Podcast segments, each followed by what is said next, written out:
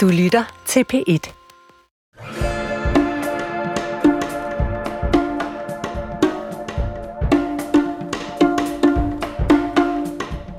Du lytter til, hvad vil Jesus have sagt på P1. Hvad ville Jesus have sagt er en radiobrevkasse, hvor du kan skrive ind. Du kan skrive til jesus dr.dk. Dine spørgsmål må være alt mellem himmel og jord, og øh, i mailboksen, når jeg åbner den, så blomstrer det også med både spørgsmål om tro, men rigtig meget også spørgsmål om samfund og personligt liv. I dag der skal vi selvfølgelig, havde nær sagt, forbi sagen om Nordic Waste. Hvad øh, vil Jesus have sagt? Og så skal vi tale om selvmord. Det er et emne, der vender tilbage til det her program igen og igen. Og så skal vi tale om begrebet sjælesorg. For hvad er det egentlig, den her en af de primære opgaver, som præster har med at yde sjælesorg? Er det kun for sjæle i sorg, eller hvad betyder ordet overhovedet? Jesus Jeg hedder Iben Maria Søjden, og i studiet med mig er Helene Reingård Nøgman, som er hjælpepræst i Marmorkirken. Velkommen til dig, Helene. Tak, Iben. Sara Augen, der er præst i Søborg Kirke ved Gilleleje. Velkommen til, Sara. Tak. To gamle kendinge. Jeg bruger ordet gammel. Øh, jeg vil ikke finde mig i, at det er et ord, som er udskammet i vores kultur. I gamle kendinge. og så er jeg besøg af en helt øh, novice i dette program, men ja. bestemt ikke en novice ud i retorisk kunst eller kommunikation. Michael Vandt Laversen. Ja, det er rigtigt. Det er rigtigt, at du hedder det. Generalsekretær Frikirkenet. Ja. Hvad er Frikirkenet i forhold til en folkekirke? Altså man kan sige, at vi har i Danmark øh, folkeskole, og så har vi friskoler. På samme måde har vi en folkekirke, og så har vi frikirker. Mm. Så frikirke, det er egentlig de kristne trosamfund, som ligger uden for folkekirken. Nogle gange så vi glemmer vi lidt, at Danmark er det mest lutherske land i hele verden, mm. så vi tror, det er at være kristen og kirke, det lige med være luthersk. Men hvis man kigger på den store globale scene, så, er, så har kristendom jo utrolig mange udtryk, hvor det lutherske jo så bare er et enkelt af flere forskellige kristne udtryk. Hvis man kigger på friskoler over for folkeskoler, så har hver friskole sådan typisk et værdisæt, mm. som kan adskille sig eller ligesom betone visse ting anderledes end en folkeskole. Hvad vil du sige, den største forskel er på frikirker og så på folkekirker? Altså, førhen, så vil jeg sagt sådan noget teologisk, men det vil jeg sige, det er det ikke. Altså det er ikke, der er teologiske forskelle, så absolut. Man kan sige, en del frikirker, for eksempel voksendåb, øh, men øh, det er nok i højere grad øh, engagementet. Det er altså fri, ligesom fri skoler skal have nogle engagerede mennesker, der er i det, og som har en, øh, altså har en, en hvad kan man sige, meget fokus på, det her, det, det er, hvem vi er, og vi er kendetegnet af. Sådan er fri kirke også kendetegnet af, at der er nogle ting, der er væsentlige, og der er vigtige for os, og det kan så variere selvfølgelig fra kirke til kirke, men grundlæggende så er frikirker drevet af ildsjæle, som ønsker på en måde at gøre øh, Bibelen, Guds ord, og gøre det sådan levende tilgængeligt for det almindelige menneske. Og så har vi en fri udtryksform. Altså vi, på den måde er vi jo ikke bundet af en højmesse. Øh, mm. Vi kan gøre lave gudstjenester, som vi har lyst til. Men for Michael ikke også lidt sagt så, at menigheden hos jer er sådan lidt passiv, eller hvad? Er det bare mig, der hører det, Sara og Helene? Det er sådan, oplever jeg det ikke. At faktisk. de er, eller at han siger? At de øh, er. Ingen af delene. Okay. Ingen af delene. Ja, okay. Hvad siger du så? Nå. Jamen, det tror jeg nok, jeg hører en lille smule. øhm, når jeg egentlig lytter efter. På den anden side, så synes jeg jo, der er noget helt fantastisk ved at have et sted, hvor du kan gå ind, hvor du ikke nødvendigvis skal have en øh, præstationsfremmende indsats, skal gøre, at du ligesom er, er med i det her samfund. Og der ikke? taler du folkekirken? Ja, der taler om folkekirken, mm-hmm. det der med, at du går ind, og du sætter dig, og du får lov til at være, og du får lov til at modtage. Mm, du bliver trukket i stedet for, at du selv skal skubbe. Men Michael, er det sådan, det er? Altså, øh, for det første, nej, der er masser af folkekirker, der er super engagerede og skønne mm. folkekirker, så det er slet, slet ikke uh, issue overhovedet. Men man kan sige, uh, i frikirkerne, så er du, um, altså det, den er nødt til at være drevet af mennesker, der, der brænder for det. Du har ikke noget, ligesom en, et system at falde tilbage på, på den mm. måde. Um, og så mere har, frit. Og så har, ja, og så har hver ting sin styrke. Altså, det er jo netop en styrke med højmessen, og du kan gå ind, og der er nogle ritualer. Altså, det er fantastisk for rigtig mange mennesker. Jeg kan så godt lide det i frikirken, at det er mere frit. Mm. Jeg kan godt lide det åndelige udtryk. Øhm, jeg nyder at sidde til højmesse, også en katolske kirke, der kan jeg godt finde på at tage til.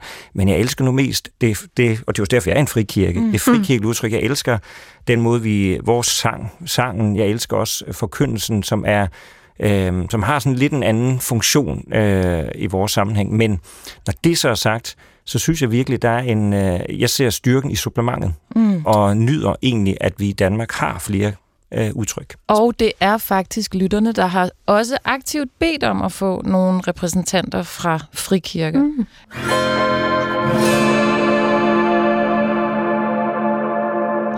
Hej Iben og præster, jeg vil virkelig gerne vide, hvad Jesus ville have sagt til ejernes ageren i sagen om Nordic Waste.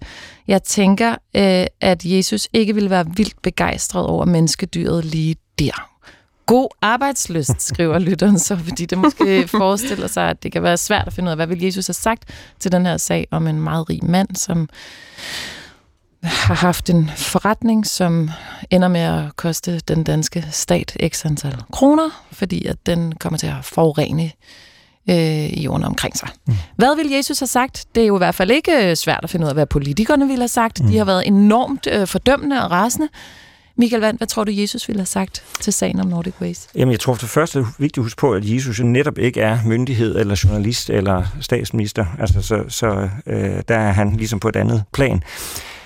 Jeg tror, vi har en, øh, som menneske har vi en, øh, en tendens til, at øh, når nogen bliver fordømt, så synes vi, det er, så kan vi meget hurtigt få en flokmentalitet. Jeg ved ikke, om det er en udbredt dansk ting, jeg tror også, det gælder andre steder. Og jeg kan godt, øh, hver gang jeg sådan mærker lige den der sådan flokmentaliteten, at her er der virkelig en, som vi ikke bryder os om, og som vi har lyst til at sige, puha, fyha, øh, så er der et eller andet sted en enorm selvretfærdighed i det også, fordi ved at kunne pege fingre af Nordic Waste og øh, direktøren, som er blevet billeder og alt muligt andet, så står vi jo selv som mere fromme. Og det er jo sådan en gammel menneskelig ting, som vi har set til alle tider. Det mm. er så skønt at kunne udpege andre. Det er den ene ting, jeg reagerer over. Så kan jeg se, hvordan reagerede Jesus så, når han mødte dem der, som alle fordømte. Ikke? Mm. Jamen, man kan tage historien om Zacchaeus, altså, mm. som var landsforræder, og øh, altså, som arbejdede for romerne, og ingen brød sig om, ingen vil spise sammen med, ingen vil være sammen med. Jesus siger, Zacchaeus, i dag vil jeg være gæst i dit hus. Så han møder jo faktisk Zacchaeus med en respekt, og med en kærlighed, og han ser mennesket. Han, øh, han, øh, og kvinden også, der var grebet i at være i seng med en, en mand, som ikke var hendes, siger han så heller ikke, at jeg fordømmer dig, selvom alle andre stod fordømmet.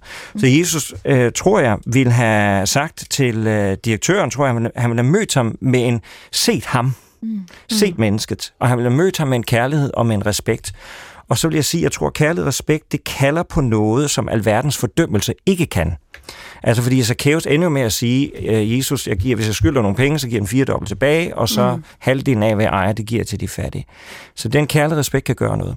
Mm. Når det så er sagt, så tror jeg også, øh, Jesus vil have talt om, i den sammenhæng har sagt, øh, husk, at du er forvalter. Mm. Altså vi har fået alting som en gave, øh, og vi forvalter det ikke for at få en stor bundlinje og maksimere en eller anden form for overskud. Alt vil blive givet. Det er blevet givet for, at vi skal bruge det egentlig som nu en mm. gave fra Gud, vi har fået. Og det, i ordet forvalter ligger der jo også, at det ikke er vores. Ja. Det er noget, vi har midlertidigt i vores varetægt, og mm. derfor skal vi behandle det ansvarligt. Ja. Men mens Magnus Heunicke og Mette Frederiksen tager til Ølst og tager de der plastikhjelme på, for at stå og sige, fy ha, så vil Jesus tage hen til ejeren af Nordic Waste og invitere, invitere sig selv til middag. Det tror jeg. Hvad tror du, Helene? Ved du hvad, jeg er faktisk rørende enig øh, i det, der er blevet sagt her. Øh, det kan næsten ikke siges bedre, sådan vil jeg i virkeligheden sige det. Jeg har gjort mig mange af de samme tanker, og ja, selvfølgelig skal det siges, at øh, Jesus nok ville se på denne her sag som i, hov, hov, hvor er din medmenneskelighed, hvor er din omtanke, hvor er din pligt for den jord, vi har fået givet. Men der er bare også noget med, at i den her sag, øh, min måde at sige det samme på, som du siger, det er, at man har jo nærmest oplevelsen af, at folk har froet om munden i forhold til, hvor meget vi vil udskamme det her menneske nu. Mm. Øh, og altså, vi havde en vidunderlig tekst i søndags fra Isaias bog, øh, hvor der blandt andet står, folk skal ikke løfte svær mod folk, og de skal ikke mere oplæres til krig. Og den pointe, synes jeg, i sindssygt mange henseender lige nu, er vigtig lige at hæve frem. Mm. Og sige, det er også en bibelsk pointe at det der med at slås sådan mod hinanden, det, øh, det er der i hvert fald også nogen, der mener, at vi ikke skal. Det er op til vor herres varetægt. Lad os få dommen ud af dagligdagen og tilbage til det himmelske. Det er vel også sådan en sætning, som uanset hvornår man står på sin prædikestol i verdenshistorien, så man tænker, den passer til i dag. er det ikke rigtigt? Jo, altså det kan man jo sige. Vi taler jo ekstremt meget i medierne om lige nu, at vi lever i et øh, mere konfliktfyldt miljø lige nu i både Europa og i hele verden. Men samtidig kan man også vente den om og sige, rent historisk set har der måske aldrig været så meget fred, som der er nu. Der har aldrig været så meget omtanke for, at vi skal møde hinanden. Så det kan du godt have ret i. Men det samtidig er det jo en drift, vi mennesker har. Vi slås jo, vi vil jo slås med hinanden. Mm. Øh, og derfor kan man bare ikke tale nok om, hvor vigtigt det er, at vi prøver at få den fordømmelse væk. Du lytter til, hvad vil Jesus har sagt. Du kan skrive ind til jesusnabelag.dk. Og da jeg siger det der med, at de står på prædikestolen, så tænker den passer til i dag, den med sværene. Så tænker jeg, det, det, sådan har I det faktisk nok med, med mm. alle tekster i Bibelen. Har I ikke det? Har I, har I det ikke sådan med alle tekster, når I nu er præster, at uanset hvor I dumper mm. ned i Bibelen, så tænker jeg, perfekt. Ah, altså i en eller anden ah. fortolkning, så kan I altid sige, jo jo, hvis du fortolker det på den her måde, så passer det perfekt til det, jeg godt kunne tænke mig at Men til der kan Michael jo selv vælge, hvad det er, han øh, Nå, ja, redder over. Det er rigtigt. Det er, der ja. er, er det sådan, Michael, at uanset hvor du slår op i Bibelen, så tænker du, det passer perfekt til vores samfund? Nej, det vil jeg ikke sige. Altså, jeg... Øh øh, Bibelen, den, øh, der er mange steder, hvor den godt nok udfordrer os. Altså på et tidspunkt, så lavede jeg en prædikenserie om, øh, ud fra 1. Korintherbrev, hvor jeg simpelthen prædikede mig igennem 1. Korintherbrev. Og der skal jeg godt nok hilse at sige, der kommer en sådan nogle bibeltekster, hvor man tænker, okay. Hvad var altså, det for eksempel, hvis man nu sidder her? Ja, men det er jo, altså hvor Paulus jo for eksempel siger, at øh, kvinderne skal have deres hår tildækket, ikke også? Hvad er det så lige, han mener med det? Ja. Øh, der er også nogle, nogle kirketugtsting, øh, for eksempel. Altså, der... hvad, fik du, hvad gør man så med det der med håret tildækket? Hvor, hvor, hvor langt ud i en fortolkning skal man for at kunne lide Bibelen der? Jamen, jeg tror ikke, man behøver at komme så langt ud i fortolkningen. Altså, der går jeg så ind i sådan en kontekstuel, sige, okay, hvad er det egentlig, Paulus prøver at sige til de her korinther? Hvad er det, der er i spil? Og lige i den helt konkrete situation, så, så øh, en mulig tolkning, der selvfølgelig er flere tolkninger, men en mulig tolkning, det er at sige, at man i den korintiske kultur, så var det øh, at være, altså hvis man havde håret frit, mm. øh, så var det sådan en invitation af, af sådan mere seksuel karakter, mm. øh, og det derfor så kunne forstås i den retning. Så Paulus siger, kommer ikke med et generelt påbud, og det siger han egentlig også i teksten. Han siger faktisk, hvis der er nogen, der vil stride om det her, altså så, så be it, han, han kulturaliserer det egentlig. Mm. Øhm, så det er egentlig, men, men der skal man jo lige har taget et par runder ja, og okay, ikke lige så pointen godt, som er egentlig at beskytte øh, kvindens integritet, ja. ikke at begrænse den. Så hvad tror du, at Jesus ville have sagt til ejeren fra Nordic Waste, eller have gjort i virkeligheden? For det, som Michael siger, jo, at han ville have inviteret sig selv til middag. Mm. Ja, altså, jeg kunne sige, det ville jeg jo også have sagt. øh, men, men jeg tænker, der er jo igen den her store ambivalens, vi altid møder, når det handler om penge, også i Bibelen. Mm. Og Jesus taler jo rigtig meget om det her tilhørsforhold øh, omkring vores altså, problematik med, med, med pengene. Og der er jo sådan et helt sådan meget kernested for mig, altså der lyder, hvor jeres skat er, der vil også jeres hjerte være. Mm. Øh, og det er jo som oftest det der problematikken, at man tænker, at penge er det, der kvalificerer en til menneske. Mm. Og det gør det jo også i vores samfund. Ikke? Det er jo sådan, vi anerkender hinanden på. Ikke? Når vi taler om værdi, selv det har jo et merkantilt udtryk. Mm. Øh, den måde, vi øh, altså, bliver belønnet på, det er jo ved at få mere lønposen, hvis vi har gjort et godt stykke arbejde. Ikke? Så man skal heller ikke sige, at, at det ikke er der. Men den guddommelige retfærdighed, den er jo altid anderledes. Der får du jo, der får man det, man har brug for. Øh, og den kan man simpelthen ikke sammenligne med. Men når han taler om det her tilhørsforhold, så handler det jo om, at, at man har fået en forestilling om, at man kan gøre sig selv som Gud øh, med ens tilhørsforhold til penge. Og det er jo det, han egentlig advarer hele tiden mm. imod. Mm. Og der er jo også det her spørgsmål, hvor en ung mand kommer og spørger Jesus, hvad skal jeg gøre for at arve evigt liv? Mm. Øh, jamen, du skal holde alt, du skal elske Herren, dit Gud af hele hjertet, du skal overholde, overholde loven og alle profeterne. Nå, men det gør alle sammen. Fint. Mm. Så skal du også sælge alt, hvad du ejer. Mm. Og give til det fattige. Og så står der bare, øh, manden går bedrøvet bort. Ja. For han var meget rig. ja, det er også og, virkelig ærgerligt. Og det så. synes jeg mm. egentlig på mange måder er kernested, fordi det er jo noget, der virkelig koster. Mm.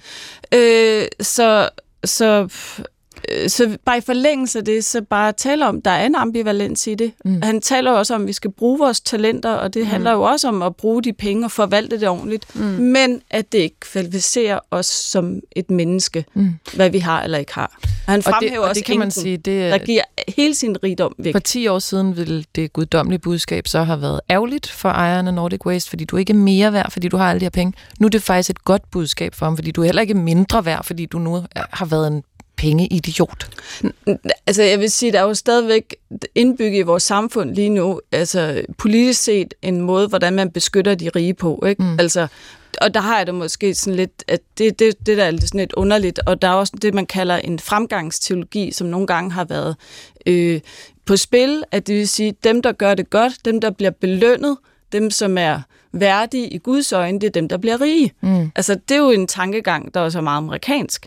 Helene? Nu ved jeg godt, det er til dig øh, at opsummere, men måske havde Jesus inviteret ham indenfor til middag, men så havde han måske også tur åbne samtalen om, hvad rigdom egentlig er. Mm. Mm.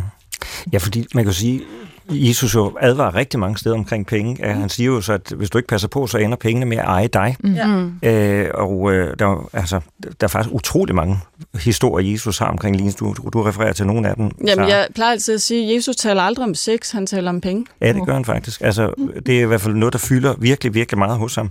Øh, og det er også øh, det her med, hvad er mening? Altså, hvad er mening med Nordic Waste? Hvorfor blev den skabt? Hvorfor, hvad var ideen? Var det bare en pengemaskine? Her kan jeg tjene smarte penge. Det virker jo sådan, men jeg tror, at Jesus vil udfordre ejerne og sige, hvad var egentlig meningen med Nordic Waste? Det var, mm. at vi har et samfund, hvor vi har brug for, at der er øh, nogle, nogle ting, der fungerer. Jeg tror, man har udfordret ham på det. Og jeg glæder mig over, at der var, altså hvis man tager sådan Bill Gates og, og Warren Buffett og de der folk, ikke, de har jo lavet sådan et løfte om, at de donerer, jeg tror det er 98 procent, eller et eller andet den stigende af hele deres rigdom ind i en eller anden kæmpe øh, fond, Garvey-fonden, til, som skal bruges til alt muligt globalt set. Det synes jeg er jo er jo væsentlig tankegang. Det er jo en forvalter tankegang. Og så har du rigtig mange andre, som jo er multi mm billionærer, og det er stadig færre, der bliver rigere og rigere, mm. som jo, hvor det virker fuldstændig tosset den måde, vi tænker på. Så vi har i den grad brug for i vores tid at få forvaltertanken ind. Du bliver ikke rig for at blive set eller blive hørt, og du er ikke rig for at få en fed bundlinje og få en fed bonus.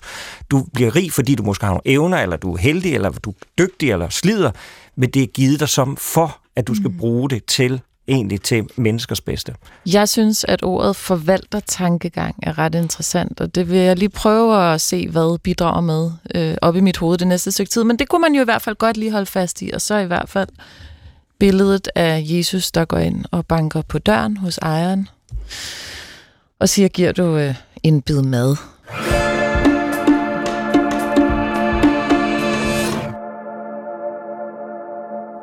Du lytter til, hvad vil Jesus have sagt i studiet med mig, Helene Reingård Nøgman, Sara Augen og Michael Vand Laversen.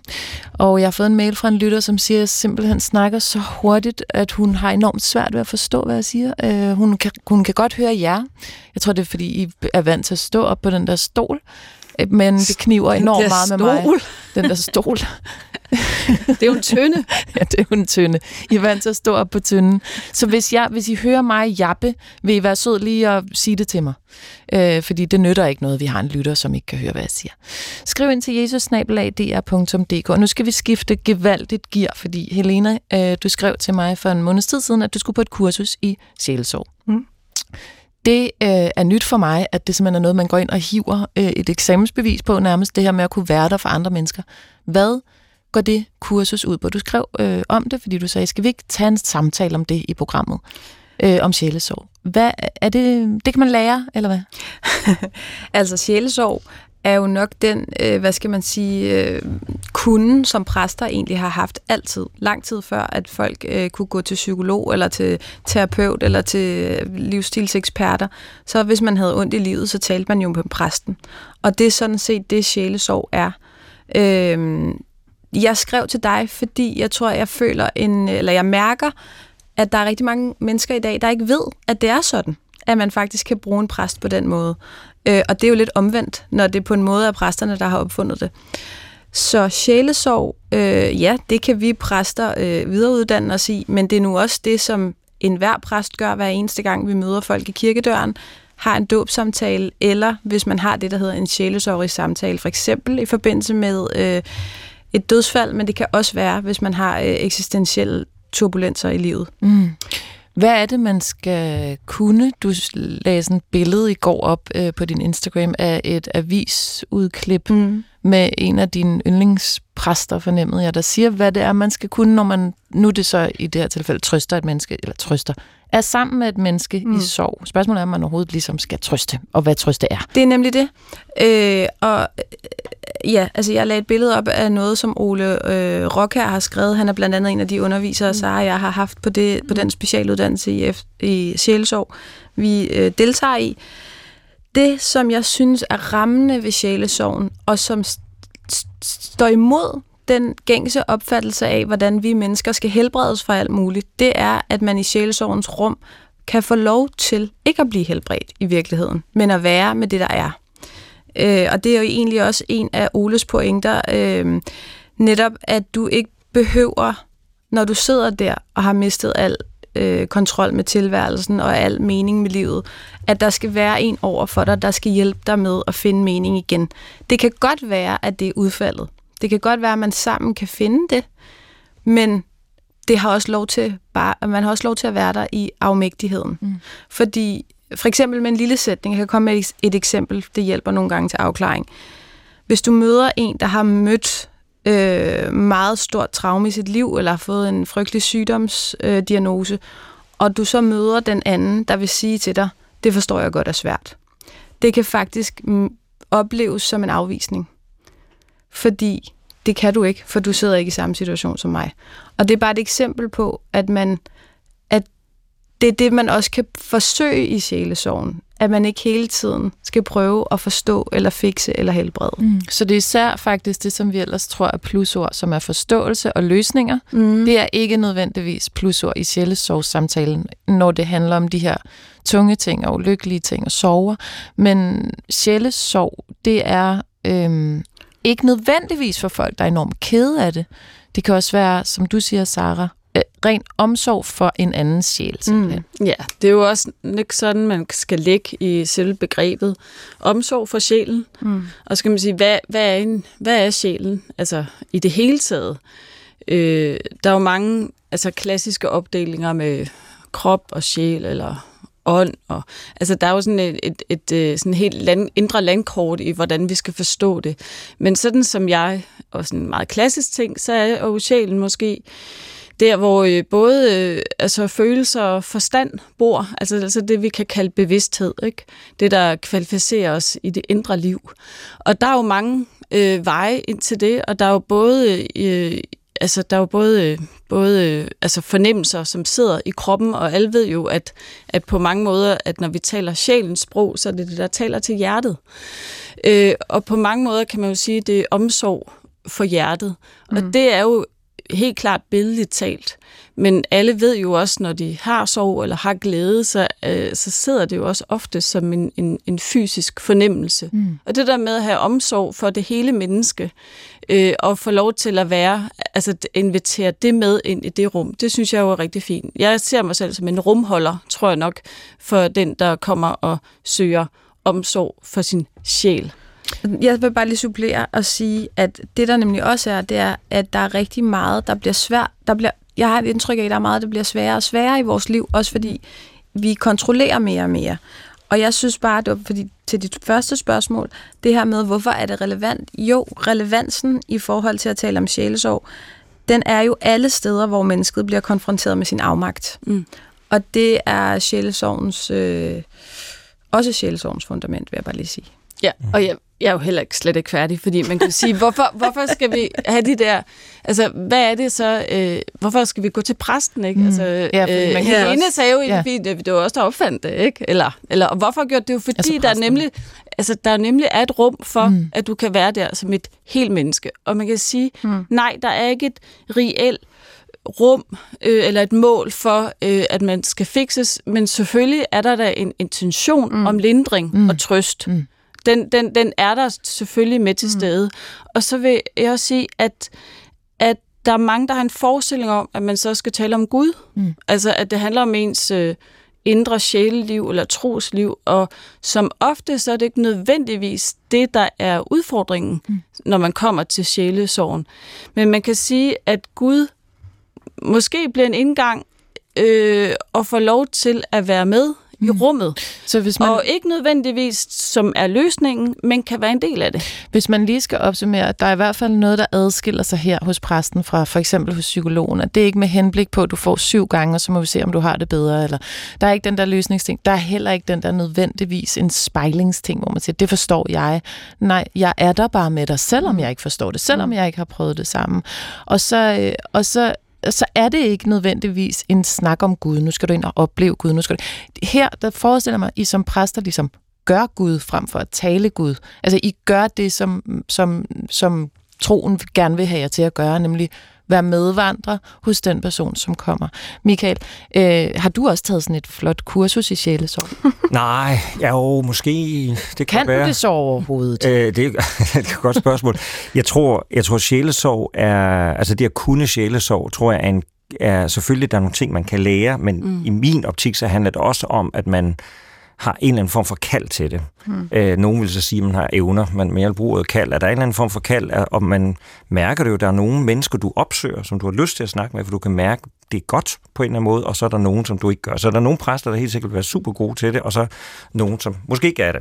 Og det er jo ikke nødvendigvis heller præster. Altså, det kan også være, være mange andre, der giver sjælesorg. Ikke? Mm. Øh, jeg, er, jeg er ikke lige øh, den, der tager de lange sjælesorg-samtaler, altså sådan lange forløb. Det er ikke min force, så jeg tror ikke, jeg vil tage kurset, fordi det er ikke der, hvor jeg ligesom har min force. Mm. Øh, men jeg har været jeg er god til at tage de indledende samtaler vil jeg sige. Okay, hvad er forskellen? Det synes jeg er interessant, fordi du skulle jo i virkeligheden, man skal vel egentlig, egentlig bare sidde og lytte? Eller sådan, hvor, hvorfor, er, hvorfor har du valgt det fra? Eller, Nå, jeg ved ikke, om du har valgt, jeg valgt det fra, men der er nogen, der bare er bedre end mig, har jeg konstateret gennem mit liv, til at, at tage de, de, de lidt længere forløb. Og hvad, de, hvad skal man i det indledende forløb?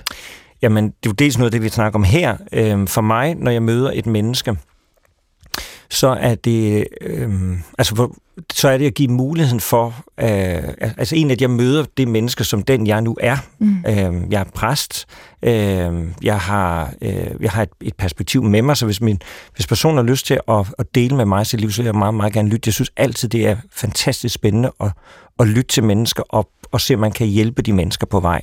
Mm. Øh, så det er jo at lytte og finde ud af, hvor er de henne af, og, og og så give det, jeg kan give undervejs i den proces. Øhm, for mig er sjælesorgen jo det, vi taler om her, hvor psykologien den går ind af, øh, og kigger ind af, så sjælesorgen har den der form for gudsdimension med, og hvad enten man er troende eller ej, fordi man kan jo ikke bruge det uanset hvad, så er den der gudsdimension med et eller andet sted. Mm. Øh, og min oplevelse er jo, at folk, der så måske ikke er troende, som har en snak med, jamen, hvis de gerne vil snakke med en præst, så er det også fordi, de et eller andet sted godt er klar over, der er, altså, nu har jeg kigget nok ind af, mm. og jeg har brug for et eller andet sted også opleve, at nu kan jeg mm. kigge mm. ud Altså for at være helt fræk, kan det også være, fordi psykologer er enormt dyre, og der er meget lang ventetid. Ja, det øh, kan da helt sikkert være. Det, det har jeg så ikke oplevet, at det mm. var issue. Men, men der, er en, der er en forskel der. der. Der er en dimension, som, som bliver bragt med. Så psykologer er fantastisk og kan rigtig meget, men, men, men sjælesorg kan noget, fordi den har den der øh, Guds dimension med.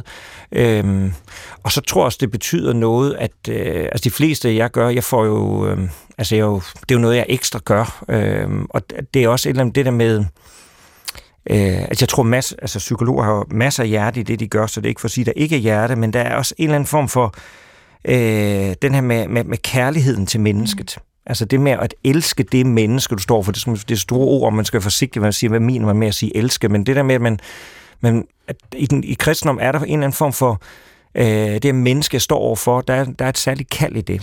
Jeg vil, jeg, jeg, jeg vil lige referere en personlig samtale, jeg havde forleden dag, som jeg faktisk synes, som ramte mig enormt meget, fordi det var, det var med en fyr, som både havde snakket med den ene og den anden tredje psykolog, og også faktisk så havde været hos nogle præster og, så, og hans venner. Og så sagde han, at forskellen for ham på præster og psykologer, eller venner og psykologer, det var simpelthen det strategisk placerede ur.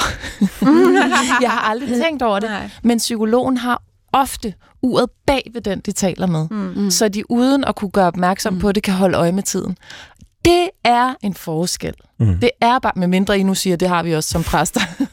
Men det Nej, er jo en forskel. Ja. Mm. Det er interessant. Det er ja. mega interessant. Ja. Og han mm. kunne ikke give sig hen til samtalen på samme måde i den mm. samtale, der havde det strategisk placerede ur. Men dybest set taler det jo ind i netop det her med, om det er en målorienteret mm. sted eller ikke. Du lytter til, hvad vil Jesus have sagt på P1, og lige om lidt, der vil jeg læse en mail øh, for jer, som helt klart ikke er en, der bare kan løses, og derfor bliver læst højt for jer, som er præster, og ikke har det strategisk placerede ord. Det har jeg så til gengæld. Så derfor så øh, vil jeg bare lige bede har... om at gøre det kort. Ja, ja, det siger Men det du kan, altid, det, når jamen, det er sådan, mig. at lave ja. Hvordan har I aldrig stået i en situation, hvor I følte, at det var utilstrækkeligt, det I havde at komme med i en sjælesørgerisk kontekst, når der nu ikke var de der løsningsmuligheder? Sarah? Oh, nu gør du det der med, hvor så må du jeg havde noget andet, jeg vil så, så, så må sige du få først. det ind. Ja. Jeg starter altså med det, jeg havde først, og så vil jeg gerne svare på det. Yes. Jeg vil gerne lige komme med sådan en faktaoplysning mm. omkring, hvad sjælesår også er i folkekirkens kontekst. Det er sådan, at alle kan henvende sig til en præst for at bede om en sjælesår-samtale, og det er gratis. Og der er ikke journalpligt for præsterne. Mm. Det vil sige, der er tavshedspligt, hvor at lægen skal notere i journalen, og psykologer skal holde logbog, så er der ikke en pligt for præsterne om at øh, skrive noget ned. Det, det gør vi ikke. Mm. Og det er en det, stor forskel for dem, det er, Det er en stor forskel, også i forhold til et, et, et system, som, øh, som nogle gange skal hente oplysninger på en borger, mm. eller et eller andet. Det findes ikke hos os, så det vil jeg bare lige eller forsikringer, hvis man tegner forsikringer. Der er ikke, der er ikke, ja, præcis. Der er, der er ikke noget der. Og, ja. og så i forhold til den der utilstrækkelighed. Jeg tænker, det har jeg selvfølgelig prøvet, for det har vi alle. Mm. Fordi når man står over for døden, når man står over for et, et medmenneske, der skal sige farvel til sit liv og sin, øh, sin nærmeste, og som har masser, potentielt havde masser af liv tilbage, så er man utilstrækkelig. Og det bliver vi alle øh, i vores liv. Øh, og jeg tror nok, at i den situation, altså, så tror jeg ikke, det gør noget, at man ligesom kogler eller kalder afmagten ved navn. Mm. Øh, og siger, at jeg ved ikke, øh, hvad, hvad jeg kan gøre. Jeg føler den samme afmagt og situation, men jeg tør stå i den, og jeg er i den sammen med dig. Og det har jo nogle gange været nok.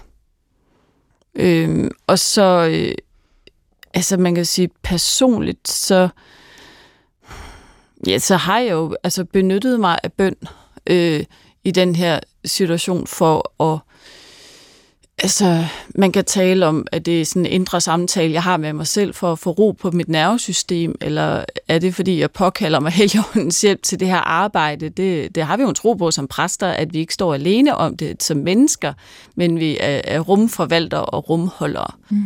Så ja, det er nok det, det mest konkrete, jeg kan komme på. Jeg kan godt genkalde mig følelsen, øh, men jeg tror nok, at jeg også har en, øh, en faktisk en klippefast tro på, at lige der, der er jeg ikke alene. Men utilstrækkeligt, det følger jo med i det at være menneske, og det tror jeg nok, jeg bare har lært at omfavne efterhånden. Ikke rart, men det bliver nødt til. Amen. Amen.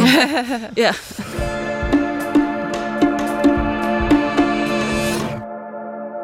Hej præster, hvad vil Jesus have sagt til selvmord?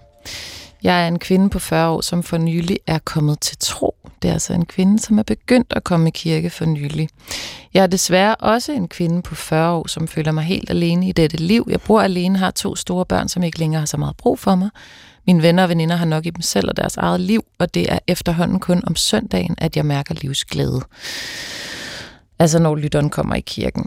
Jeg er begyndt at få tunge tanker, tanker om livet her på jorden, overhovedet at være at leve. Jeg er ikke akut selvmordstruet, men jeg synes, jeg har mistet glæden ved livet. Jeg har kæmpe, kæmpet længe for at få det bedre. Jeg har forsøgt at få mig skabt et godt liv med meningsfuldt job og gode hobbyer og dejlige mennesker i mit liv. Det er bare som om, at det ikke længere giver mig den samme glæde. Med venlig hilsen, en lytter. Jeg har skrevet med den her lytter og spurgt om øhm, de her selvmordstanker, tror jeg godt, man kan kalde det. Det er jo også en skalering. Men øhm, om de er sammenfaldende med hendes øh, begyndende tro. Og det siger hun, det er de ikke. Det er hendes tro, der afholder hende fra at gøre alvor af tankerne. Sådan forklarer hun det i hvert fald. Øhm, så hvad ville en øh, sjælesørgerisk kontekst tilsige her? Hvor skal man starte, når man skal tale om, eller tale til, tale med en sådan menneske, person? Helene? Ja, det, øh, jeg tror lige med, jeg ved godt, vi skal ende med Jesus. Mm. Men nu snakker vi jo om sjælesorg, og vi kan, det kan godt være, at vi sidder som præster i en stol i et eller andet stedfortrædende øh, sted i forhold til Gud, men det er jo ikke det, vi er. Altså tværtimod, vi er bare mennesker, og det, er også, det kan der også være en kvalitet ved. Og derfor får jeg egentlig lyst til at angribe det her, som var det et menneske, der sad hos mig i et sjælsøverisk rum. Øh, og der tror jeg måske, jeg vil have lyst til øh, at vende samtalen til at spørge om, hvad, hvad er det for noget mening, der er gået tabt? Og hvad var der, altså, hvordan kan den her kvinde se en ny mening på trods af det meningstab, hun oplever? Og det ved jeg godt, det er jo ikke et svar. Men, øh, men det kunne bare være interessant alligevel at tale om, hvordan håbet alligevel kunne se ud. Øh, og så tror jeg jo, at Jesus altid ville tale livet op i forhold til mørket. Altså det synes jeg er meget vigtigt at sige. Dermed ikke sagt, at han ikke anerkendte, at man kunne møde det mørke, som den her kvinde oplever. Øhm, men jeg tror, at han vil pege lampen og lyset hen imod det øh, evige lysende håb, han taler for alle steder i Bibelen. Mm. Michael? Jeg, siger, øh, jeg tror også, det er jo skønt at læse, den her lytter rent faktisk har fundet en glæde om søndagen, altså mm. i kirken og i troen. Øh, og, øh, og jeg vil sige til, til lytteren, at øh, livet, det kan være svært. Mm. Altså det er, øh, nogen af os har livsvilkår, som kan være rigtig svære, og som ikke bare sådan lader sig løse, øh, men man kan faktisk godt finde liv og måske vil jeg sige livet, selv midt i smerten. Mm. Øh, og selv midt i, at det er svært at få tingene til at hænge sammen. Og Jesus siger jo selv, jeg er, han siger, han er vejen, sandheden og livet, og han siger også, kom til mig, alle som er trætte og tynget af byrder, mm. øh, og jeg vil give jer hvile. Øh, så jeg tror, Jesus er, øh, hvis Jesus skulle sige sådan, sige, kom til mig. Jeg er den, du søger, jeg er der ikke kun om søndagen. Mm. Jeg er der hver dag. Øh, så min opmuntring til lytteren, det vil være, du vil sige, det er at sige, du har fundet en kilde der om søndagen. Du har fundet en kilde i troen. Sørg for, at den kilde den bliver større i dit liv. Øhm, og det betyder så ikke, at smerten nødvendigvis forsvinder, eller livet så bare bliver let, men det betyder, at du kan finde en ny dimension i dit liv, øh, som egentlig så bliver vigtigere, end at det, at du oplever, du ikke, at øh, dine børn ikke har brug for dig længere. Mm. Øhm, så smerte og tab af mening kan faktisk være en gave. Og det kan være noget, som gør, at man i næste omgang opdager, hmm, jamen det var måske ikke det, som livet handler om. Der er måske en anden dimension i livet, og det er jo det, Jesus tilbyder os. Jesus kommer altid fra den anden vinkel af, og kommer altid på en måde, vi mindst regner med det. Mm. Så søg øh, hos ham, der, altså hos Jesus, og, der, og han siger jo også, jeg er kommet, for I skal have liv, have liv overflod. Det er ham.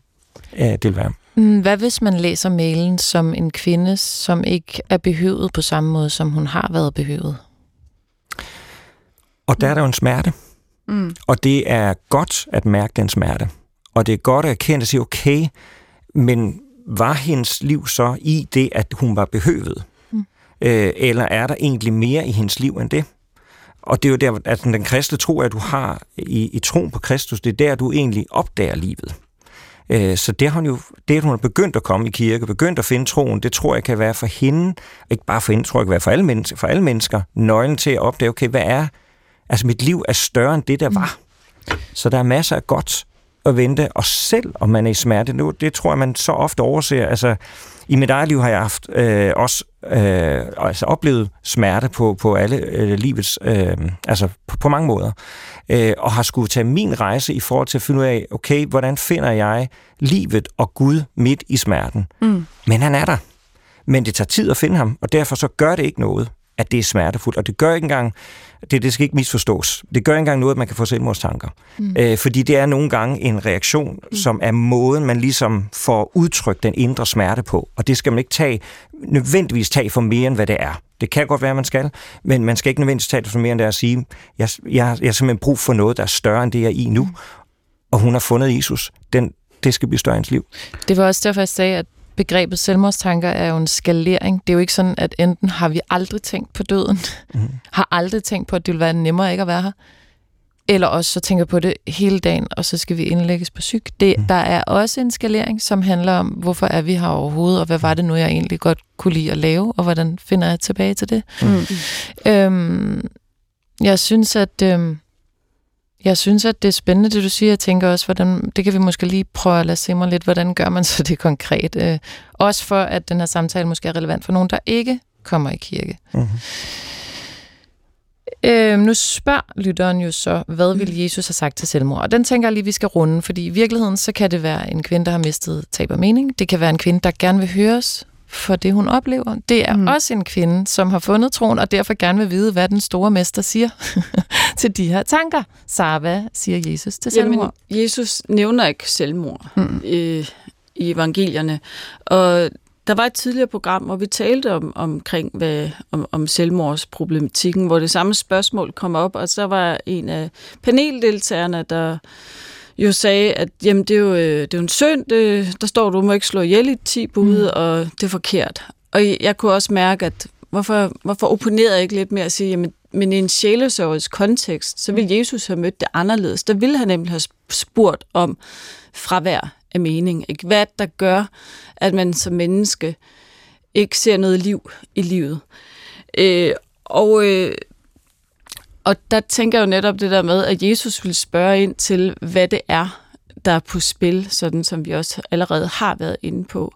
Og øh, som du selv siger, så, så, så hvad var du kaldte det, en, øh, en skaleret... Ja, der, det er en skalering, det der med selvmordstanker. Ja, altså, ikke? Jeg, jeg tænker jo, at når der er dele af en, der virkelig ønsker at tage sit eget liv, så, øh, så kan man jo faktisk også, hvis man er radikal nok, kalde det den yderste konsekvens for at beskytte sig mm. mod smerte og meningsløshed, mm. som egentlig er det, jeg vil kalde fortvivlelsens yderste led. Og der bliver jeg bare lige nødt til at sige, det er jo ikke for at sige, at det kan være en øh, givetig tanke, og og der skal man bare gå ud af den tangent. Det, du mm. siger der, det er udtryk forståelse for, at det opstår. Ja, helt klart. Og altså, og igen, jeg kalder det måske en radikal tanke, men hvis vi ser i os, at det er intention for at beskytte, mm. beskytte vores inderste kerne mod smerten og lidelsen. Altså man kan også gøre det på andre måder. Man kan bedøve sig selv i alkohol eller Netflix eller sådan noget. Altså lamme sig selv. Mm. Så kan man sige, at det er jo den yderste måde at, at gøre det af. Så kig på intentionen altså, altså hvis, hvis det er intention yes. i. Og så vil jeg jo så gå ind og tale om, hvad handler den her tomhed om. Mm. Og den har vi jo mødt før. Der er jo en helt øh, bog i Bibelen, der handler om meningsløsheden, som jeg egentlig synes er et af de smukkeste steder, øh, altså bøger, som jeg selv vender tilbage til, som hedder Prædiknerens bog. Mm. Og øh, det er jo simpelthen, der står bare alt af tomhed. Altså det er en gammel og en smertefuld erkendelse, som, øh, som hun står i, og som har lyttet øh, i et par tusind år. Det er en af de yngste bøger i, i det gamle testament. Hvorfor er det en af dine yndlings? Ja, fordi at den på en eller anden måde måske tiltaler, måske tiltaler det, når man nogle gange synes, man har en gammel sjæl, en ung krop, ikke? Altså når man synes, når man som, som 15-årig synes, at det er fantastisk at sidde og læse det. Endløs tomhed. Alt er tomhed, ikke?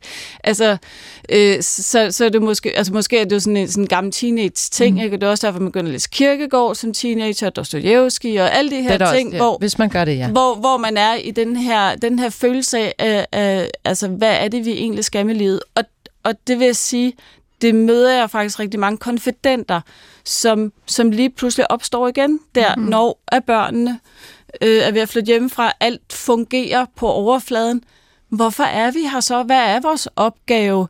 Hvad, hvad er det, vi egentlig er brug for? Og hvorfor skal vi kende smerte og lidelse?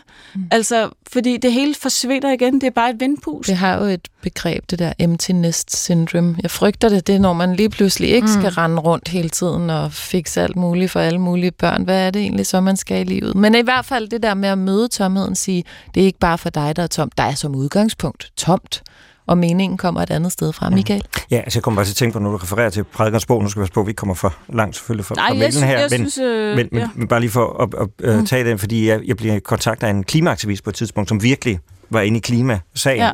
Øh, og hun sagde til mig det her med, at i de cirkler, hvor hun befandt sig, der var der sådan en tomhed. Mm. Øh, hun, altså, I samlinger der, hun sagde, altså børnene græder og, og nogle af de ting, mm. fordi det er verden, den går under. Mm. Og så var hun faldet over prædikernes bog. Mm. Og har faldet over det der med tomheden, og det resonerede fuldstændig med hende. Men så sagde hun, der er også noget Gud i det her. Mm. Og så, så kommer hun til mig og siger, hvor, altså, hvad, hvor, hvad, hvor er altså, jeg, jeg kan høre et eller andet, der kalder på mig. Det er ikke mm. bare tomhed, der er noget, der kalder Præcis. på mig. og der er jo ikke kommet til endnu. Nej, nej men det, det er ikke for at sige det. Det er, jo, det er egentlig det, der i vores samtale er smukt, det der med at sige en erkendelse af mm. tomheden, der er der. Og så er øh, det kristne budskab jo så, at Gud er der. Mm. Jesus er der i det. Mm. Ja, jeg vil gerne sådan prøve at udbygge den lidt, fordi mm. hun taler jo netop det der, hvorfor er det, hun kan finde ro i den der kirke. Ikke? Mm. Og det er ikke fordi, jeg siger, at Gud altid kun, kun er svar, men også en, også en del af løsningen. Så er det jo netop, fordi det jo nok kalder på det evige i hende. Mm. På den her med, det der er blevet lagt ind i hende fra skabelsen, den der længsel. Og jeg tænker simpelthen, at det er jo det, der man kaldes efter, fordi man kan sige, hvis man har det, man kalder en evighedslængsel, en paradislængsel, så er det jo en længsel efter forbundethed. Det er jo fravær af tomhed. Det er jo mm. fravær af den der, det der liv, der giver mening. Og øhm, og jeg sad og læste en af Grundtvigs gamle prædikner forleden, og der var der simpelthen det fineste, altså det, det, det fineste lille råd, hvor han sagde, jamen hvis du følger det eneste råd, jeg har, så had ej længsen efter det evige, om end den piner dig. Lær heller at elske den og tro, at hvad der er det højeste og dybe is i dig, også nødvendigvis er det bedste. Mm. Oplad dit øje og se, hvad der er soleklart. At den længsel, som piner dig, og som du prøvede at bekæmpe, men aldrig kunne overvinde, det er ikke dit eget værk.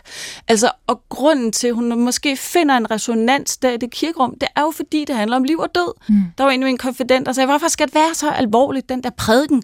Hmm. Hvorfor, hvorfor åh, og det ved jeg, det har der også været tidligere spørgsmål om, hvor, hvorfor er det så kedeligt? Så det, er for, det er fordi, det handler om liv og mm, død. Der skal faktisk være ro, i, ro i kirken. Ja. Og vores sjæl har, og vores hjerte har brug for den, det, det rum til at åbne sig, og så høre på den der kald, kald altså længsel efter det evige. Det er jo det, der, det, er det, der sker, tror jeg. Men skal det der, også forstås sådan, at længselen efter det evige, det kan man i den ene udlægning forstå som længselen efter at komme herfra, og i den anden udlægning forstå som et håb om, at der er mere, og der er noget andet, der kalder en tomhed. Sådan hører jeg lidt. Ja, nej, ikke rigtigt. Mm, Helene? Jeg vil egentlig sige noget andet. Før snakkede vi om, hvad sjælesorg er, og om det handler om, at Gud er til stede. Man kan jo sige det på en anden måde. Det, vi kan i hvert fald sige, at man inviterer evigheden med mm. ind i sjælesorgens rum. Altså, øh, vi, vi har en anden tidslinje, når vi sidder der, end man har øh, når, her kun på det jordiske. Øh, der bliver sagt virkelig mange vilde ting her, og jeg synes, det er et kæmpe spørgsmål, vi skal sidde og besvare på her. Så jeg har bare lige lyst til at sige, sende en respekt ud til vores lytter, der har skrevet det her kæmpe store spørgsmål, og sige, det her, det er jo en livslang proces måske mm. for hende, hvor at hun er et sted i livet, der er kalder på en, en eller anden slags omvendelse. Altså det danske ord krise kommer det græske ord krisis, der faktisk betyder afgørende vending. Og det synes jeg bare lige, øh, jeg vil gøre opmærksom på, fordi mange mennesker, der oplever en krise, kan kun se mørket for enden af krisen. Men vi ved, øh, at der kan komme noget andet ud af krisen, end det vi havde regnet med. Der kan komme en vending, der kan komme noget nyt. Mm. Øh, og det får jeg bare lyst til at sige til hende, at der er et håb for, at hun kan komme et andet sted hen. Jeg skal også lige huske at sige, fra et journalistisk aspekt skal jeg øh, oplyse om, at hvis man har hørt denne her samtale, hvis man sidder derude med selvmordstanker, så er det meget, meget vigtigt, mm. at man kontakter nogen. Man kan for eksempel kontakte livslinjen på 70 201 201, men i det hele taget synes jeg bare lige, vi skal understrege, som du sagde, Sara, at medicinen, hvis man nu overhovedet mm. skal tale om medicin og løsning på noget så stort spørgsmål, det, altså medicinen på tomhed, det er forbundethed. Ja, men man kan også sige, at hvis hun har brug for medicin i klinisk forstand, ja, altså, så er det, et helt så er det nok spørgsmål. også en god idé at gå til lægen. Så er altså- forbundethed altså, ikke nok i sig selv. Nej, og hvis jeg skulle lige mm. rundt, jeg, hvis jeg skulle sige min Jesus, jeg, jeg tror Jesus har sagt, jeg er livet. Mm. Altså det, det, er, det er hos mig, du kan finde det liv, som du leder efter. Det er du begyndt at opdage, men få det ind i hele dit liv, ikke kun om søndagen. Mm. Og som der står i salme 613, øh, målet er himlen, men jorden vor vej. Du lytter til, hvad vil Jesus have sagt? Vi har en, jeg har faktisk to, jeg har faktisk to mails, øh, som jeg gerne lige vil nå. Øhm, Den ene er faktisk bare fra en lytter, der hørte, at vi skulle snakke om, øh, om øh, sjælesorg i dag. Og det er ikke et spørgsmål. Han skriver bare, at jeg har for nogle tid siden gået til sjælesorgssamtaler hos en præst med empati og visdom over en periode på cirka tre år. Cirka hver anden måned. Jeg var meget motiveret til at køre de 30-40 øh, minutter hver vej for cirka en times samtale. Jeg var og er stadig taknemmelig for, at præsten mange gange lagde øre til at lytte omsorgsfuldt og med nærvær til mit skrald i godsøjen og således hjalp mig igennem en meget svær periode i min families og mit liv, uden at skulle fikse vores problemer. Temaerne har blandt andet handlet om overlang psykisk og fysisk sygdom hos den ene af vores øh, børn, misbrug osv., øh, og i tillæg ægteskabelige udfordringer om skyld og skam, sjælelige smerter og meget, meget mere. Min hustru og jeg holder stadig sammen på trods af trængslerne, ikke mindst øh, skyldes det vores store kærlighed til hinanden – skriver vedkommende, kærligheden tåler alt, tror alt, håber mm. alt og udholder alt, som du også tit mm. siger, Helene. Mm. Jeg vil tilføje, at det ikke var nogen nem beslutning at henvende mig til præsten. Det tog en del tid. Overvejelserne var mange, herunder blandt andet, at det føles lidt som et nederlag at skulle bøje knæ. Mm. Hvorfor kunne jeg ikke bare klare det selv? Monique han havde travlt nok i forvejen, og så mm. videre. Der var også andre, der trængte til det mere end mig. Men det er en af de bedste beslutninger, som jeg har truffet i mit liv. Jeg håber, at mit budskab og lignende kan medvirke til at opmuntre andre med ondt i sjælen til at tage kontakt til en præst. Og der siger du så, at det er simpelthen noget, man bare kan gøre, det er gratis, og øh, så øh, kan man få holdt sin sjæl et øjeblik. Kære Jesus, da jeg var meget ung, havde jeg en drøm om at blive præst. Derfor kom jeg i praktik i 9. klasse hos den præst, der havde konfirmeret mig. Desværre følte den præst, at hans opgave var at afskrække mig. Så han smed en del tunge bøger på bordet og sagde, at hvis jeg skulle læse teologi, så skulle jeg læse tykke bøger på græsk og latin. Jeg var jo som sagt meget ung og kunne naturligvis hverken græsk eller latin, så det lykkedes som faktisk at skræmme mig fra min drøm. Jeg er nu midt i 50'erne og har fået et arbejdsliv, som jeg er glad for. Alligevel kan jeg ikke lade være med at tænke, hvad nu hvis? Og jeg tror faktisk, jeg kunne være blevet en god præst.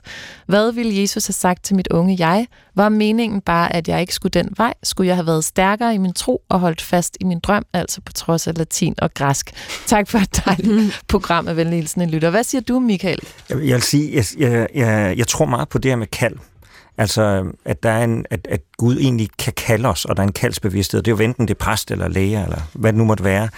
Øh, så jeg tror, at den her lytter helt sikkert ville have været en god præst. Fordi det tror jeg. du hører et kald? Ja, altså det, det, det kan jeg jo ikke vide, men sådan, det, det kan godt være. Mm. Så det, det kan godt være. Samtidig med, jeg vil så sige, at kaldet kan udfolde sig på mange måder. Og hvis det er en ting, jeg synes, jeg har lært gennem livet, det er, at Gud han er altså altid større. Så når jeg sådan kigger fremad, så kan jeg nogle gange have svært ved at se, hmm, hvad skal jeg, og hvad vil mon Gud have, at jeg skal med mit liv? Men når jeg vender mig rundt og kigger tilbage på mit liv, så synes jeg, jeg godt kan se, at han var der. At lidt ligesom jeg kan huske, at jeg gik op et bjerg engang, ikke? og jeg kunne knap se stien sådan en meter frem, for det var masser af store sten og alt det der. Ikke? Men da jeg vendte mig rundt op på toppen, så kunne jeg se stien hele vejen. Øhm, så ja, jeg tror, at øh, det kunne godt være vedkunskab pres, men det kunne også udfolde sig på andre måder. Så på den ene side set, så vil jeg sige, når man mærker det der sådan kald, så skal man turde kaste ud i det. På den anden side set, øh, hvis det så ikke lige gik sådan, så kan det alligevel godt arte sig på, på fantastiske måder under livets forskellige omstændigheder. Så det, jeg vil have spurgt lytterne om, hvis vedkommende stedet her, det vil være at sige, hvad var det, der kaldte på dig i præstejobbet? Mm. Øhm, og er det noget, som du egentlig har levet ud alligevel igennem det, du har gjort eller gør? Og så vil jeg nok også udfordre at sige, hvis det nu, nu er noget, der bliver ved med at vende tilbage, og du kan ikke skyde det fra dig, øh, og du tænker det, så altså den der med min tro på, på kaldet og på Gud kan kalde os, Øhm, der synes jeg, jeg oplevet flere gange egentlig i menneskers liv, at, at nogle gange så kan sådan en tanke, der bliver ved med at vende tilbage, måske skal man faktisk tage den alvorligt. Mm, den er måske sand. Ja, og måske skal du så undersøge, kan jeg egentlig blive præst Men det kan jo blive hos dig, ikke? Jamen, det kan også, ja, både hos mig og, og i folkekirken ja, også jo. Men, men det du ja, i virkeligheden også siger, det er, at præstekaldet kan man udøve på mange forskellige måder. Man behøver ja. ikke være ordineret præst. Nej. Og det er jo så det, så hvis man så ikke lige tænker, okay, det er lidt for stor livsomstændighed at skifte. Mm. Altså en af mine venner har lige taget springet til mm. Netop paragraf 2 i Folkekirken til at blive det som, som 50-årig. Øh, hvis man nu så tænker, det er lige stort nok, så kan man jo netop også sige, at jeg kan også engagere mig i det, jeg kan mærke kalder på mig. Altså for mm. eksempel sjælesorg er jo ikke kun for præster. Du mm. kan også yde sjælesorg, både i fri og folkekirkelig sammenhæng, uden at være præst, hvis det var det. Mm. Eller for sin nabo måske. Eller for sin nabo. Ja. Eller for sine arbejdskollegaer. Mm. Eller hvad det nu måtte være. Så kaldet er der, det kan leves ud på mange måder, men også lyt til det. Ja, så hvis det bliver ved med at spøge, øh, er I glad for, at I blev præster? jeg synes, det er et helt øh, vildt vidunderligt job, som man aldrig hverken bliver færdig med, eller stopper med at være taknemmelig for. Ja, for jeg synes, det er vildt privilegeret at få lov til at beskæftige sig med, hvad menneskelivet er, og hvad efterlivet er, og stille de her store spørgsmål. Mm. Øh, og så får jeg bare lige lyst til at sige, hvor er det en øvepræst, han har mødt mm. øh, i sin ungdom. Øh, og husk lige på, at Jesus han stod altså med hele det gamle testamente som hans øh, ballast, og han tog det faktisk, han smed det ikke væk, men han sagde, at vi kan koge det hele ned til mm. én regel, og det er den, det alt sammen udgår fra. Øh, og den har vi haft mange gange her i programmet også. Men altså, det er bare for at sige, det er ikke nødvendigvis de tunge bøger, der er det afgørende. Og hvad var den ene regel? Mm. Jamen, det er jo alt, hvad I ved, vil, at mennesker skal gøre imod jer, det skal I også gøre imod dem. Mm. Det er Line Reingård Sara Augen og Michael Vandt Laversen. Det var en stor fornøjelse. Tak til producer Christoffer Emil Broen, og tak til dig, der har lyttet. Du kan finde alle tidligere udsendelser på DR Lyd.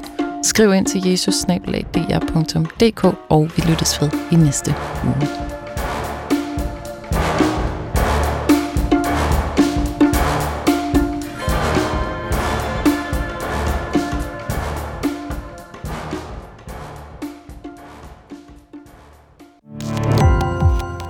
Gå på opdagelse i alle DR's podcast og radioprogrammer. I appen DR Lyd.